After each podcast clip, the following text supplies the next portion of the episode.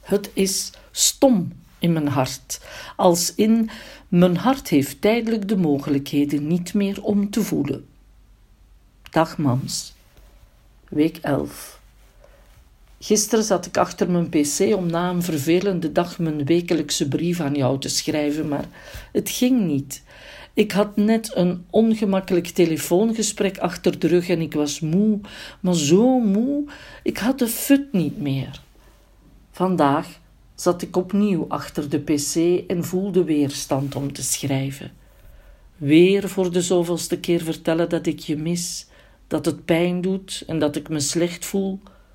Bovendien zit mijn neus vol snot, mijn keel dicht en ik hoor niets meer door een supervervelende verkoudheid die nu al weken mijn energie opeet. Dus liet ik ook deze morgen mijn brief voor wat het was en deed gewoon verder. Ineens, tijdens de rouwcoaching, terwijl ik een uitleg aan het doen was over rouwen op vier niveaus en specifiek lichamelijke rouw, viel mijn frank. Natuurlijk. Kieke, hoe kan ik nu zo stom zijn? Vanaf het moment dat ik wist dat jij ongeneeslijk ziek was, heb ik me voorbereid op het moment van jouw sterven. Op een heel rationele manier. Alle informatie opzoeken, alternatieve en experimentele therapieën onderzoeken, websites van rouworganisaties lezen van voor naar achter, al mijn boeken nog eens herlezen en met mensen praten die hetzelfde hadden meegemaakt. Toen ging je dood en ik ging mee dood. Mijn lijf haakte af, mijn rug zei krak, mijn stem viel weg, mijn slaap ook.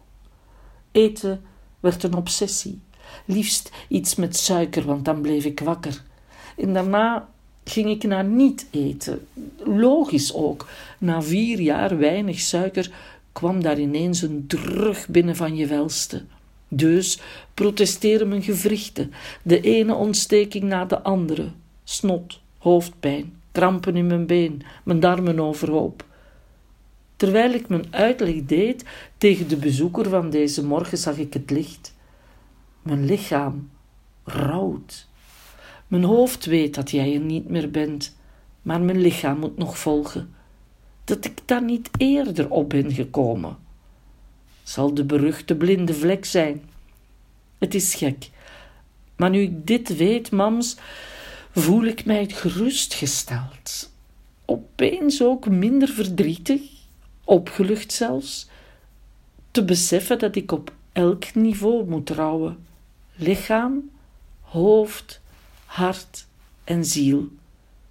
Terwijl ik dit opschrijf, zie ik je in gedachten naar me kijken, een beetje lachen en het jouwe ervan denken, van mijn uitleg, maar ook blij dat ik me weer beter voel ook al snap je er niks van, van mijn uitleg dus.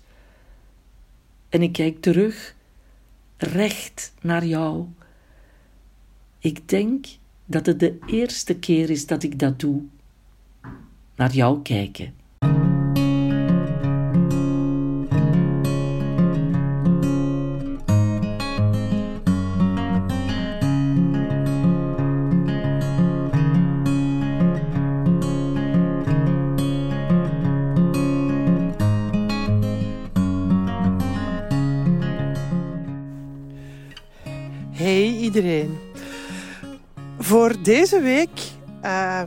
Neem ik de episode op in Finland.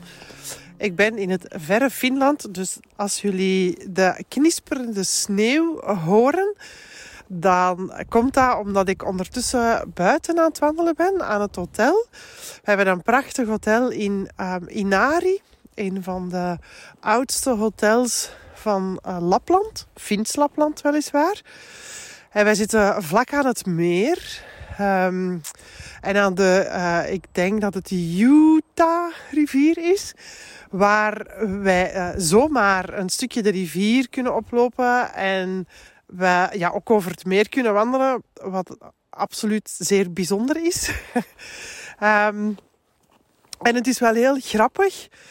Want mijn brief van deze week die gaat dus over het feit dat ik het uh, rouwen in een, ja, in een aantal fases heb gedaan. En dat ik dat ook heel hard heb gemerkt. Hoe dat, dat in zijn werk gaat. En als ik daar nu op terugkijk, dat ik dat ook wel, wel zie dat um, als mijn mama overleden is, dat ik zo. Ik ben niet ineens volledig beginnen rouwen of, of verwerken dat zij er niet meer is. Dat is echt in uh, verschillende fases gegaan. Rationeel wist ik dat natuurlijk al heel lang. Hè. Wisten we dat al twee jaar voordat ze effectief overleden is. En emotioneel eh, voelde ik dat natuurlijk ook wel. Maar ging dat op en af, van links naar rechts. Maar wat ik dus niet door had in die eerste maanden na haar overlijden, dat is dat mijn lichaam eigenlijk gewoon maar een beetje verder deed. En dat ik niet volgde, dat mijn lichaam niet volgde. En deze week is uh, bijzonder inspannend geweest. Want we hebben echt van alles gedaan. We, hebben een, een, we zijn een dag met de sneeuwschoenen gaan wandelen. Dat is waanzinnig vermoeiend, maar zo mooi omdat je dus op stukken sneeuw wandelt die maagdelijk wit zijn. We zijn een uh, husky-tocht gaan doen van een dag, wat razendsnel gaat. um, ja, met de sneeuwscooters een dag op stap geweest. En straks gaan we um, Aurora Hunting uh, doen. Dus we gaan het Noorderlicht opzoeken. Maar deze week was dus fysiek ook wel letterlijk een uh, inspanning. Um, en ik ben fysiek niet zoveel inspanning gewoon. Ik fiets heel veel en ik probeer een paar keer per week wel mijn uh, yoga-sessies te doen. Maar voor de rest, ja, het is, het is niet dat ik zo uh, ga lopen of ga fitnessen of zoals mijn zoon ga worstelen. En dan, dan voelt je dat wel. Dan, dan voelt je wel wat het betekent om fysiek bezig te zijn, om met je lijf bezig te zijn. En hier in Finland heb ik dat, allez, voel ik dat uiteraard heel erg, omdat we dan ook nog eens elke dag een inspanning doen. En het lichaam, of mijn lichaam, niet echt tijd krijgt om te recupereren. Dus ik heb, ik heb overal spierpijn. Uh, mijn gewrichten doen wat pijn. Ben stijf. Vooral van het sneeuwschoen wandelen. Mijn kuiten zijn uh, super stijf. En toen ik de brief van deze week las, hè, want zoals je weet, probeer ik echt ook maar pas in de week zelf de brief die ik drie jaar geleden geschreven heb te lezen. Om, om de vergelijking met nu zo authentiek mogelijk te houden. Dus toen ik de brief van deze week las, dacht ik, ja, dat is natuurlijk wel weer straf dat dat ook over het lichaam gaat. En eigenlijk de pijn die ik nu voel van de inspanning van het bezig zijn en van het sporten, is exact dezelfde pijn die ik toen voelde, maar dan al drie maanden lang. Ik had overal spierpijn. Mijn gewrichten deden pijn. Mijn, mijn neus zat constant dicht. Ik had hoofdpijn. Ik had niet goed, dan weer wel goed. Ik ga even verriemelen om mijn rugzak aan te doen. En een beetje te stappen, want het is te koud om te blijven stilstaan. En ik was um, in op een ondergesneeuwde boomstam gaan zitten. Um, ja, ik herinner me dat dat ik mij dus uh, al drie maanden zo voelde. En dat heeft heel lang geduurd. Dus dat lichamelijk rouwen, hè, de, de pijn in het lichaam van het gemis, dat heeft echt heel lang geduurd. En ja, bij mij is dat natuurlijk ook heel erg verkeerd afgelopen. Dat, dat zult je wel merken in, in de rest van het verhaal. Dat ik uh, naarmate um, ons mams meer en meer, ja, allez, langer en langer overleden is, dat ik fysiek ook echt meer en meer um, achteruit ga. Um, En ik besefte dat ook, want ik was toen nog altijd bezig met rouwcoaching. Ik was dat aan het afbouwen, uiteraard. En ik geef, ik geef nog altijd die uitleg aan mensen die, die uh, in rouw zitten. Want ja, ik, ik doe nog altijd afscheidsceremonies. Maar dan meer in de vorm van hele rebelse uh, begrafenissen of uitvaarten. Um, ik geef ook altijd die uitleg aan mensen dat wij effectief wel rouwen op vier niveaus. Wij hebben het cognitieve stuk, het weten dat iemand er niet meer is. Je hebt het, het emotionele stuk, het voelen dat iemand er niet meer is. En wat dat wij heel vaak vergeten is die impact op ons lichaam. Dat, die lichamelijke rouw. Het, het, het fysiek pijn doen. Het gemis en verdriet, dat kan fysiek echt pijn doen. En pijn doen tenminste. En um, je, je raakt daar hormonaal ook um, vanuit balans. Of ik heb dat tenminste gedaan. Uh, dat is iets dat ik natuurlijk op dat moment niet wist, maar dat dan twee jaar later wel naar boven is gekomen. En dan heb je ook nog dat spirituele luik. Hè? Je hebt ook nog je hebt ook een, een, een spirituele band met iemand.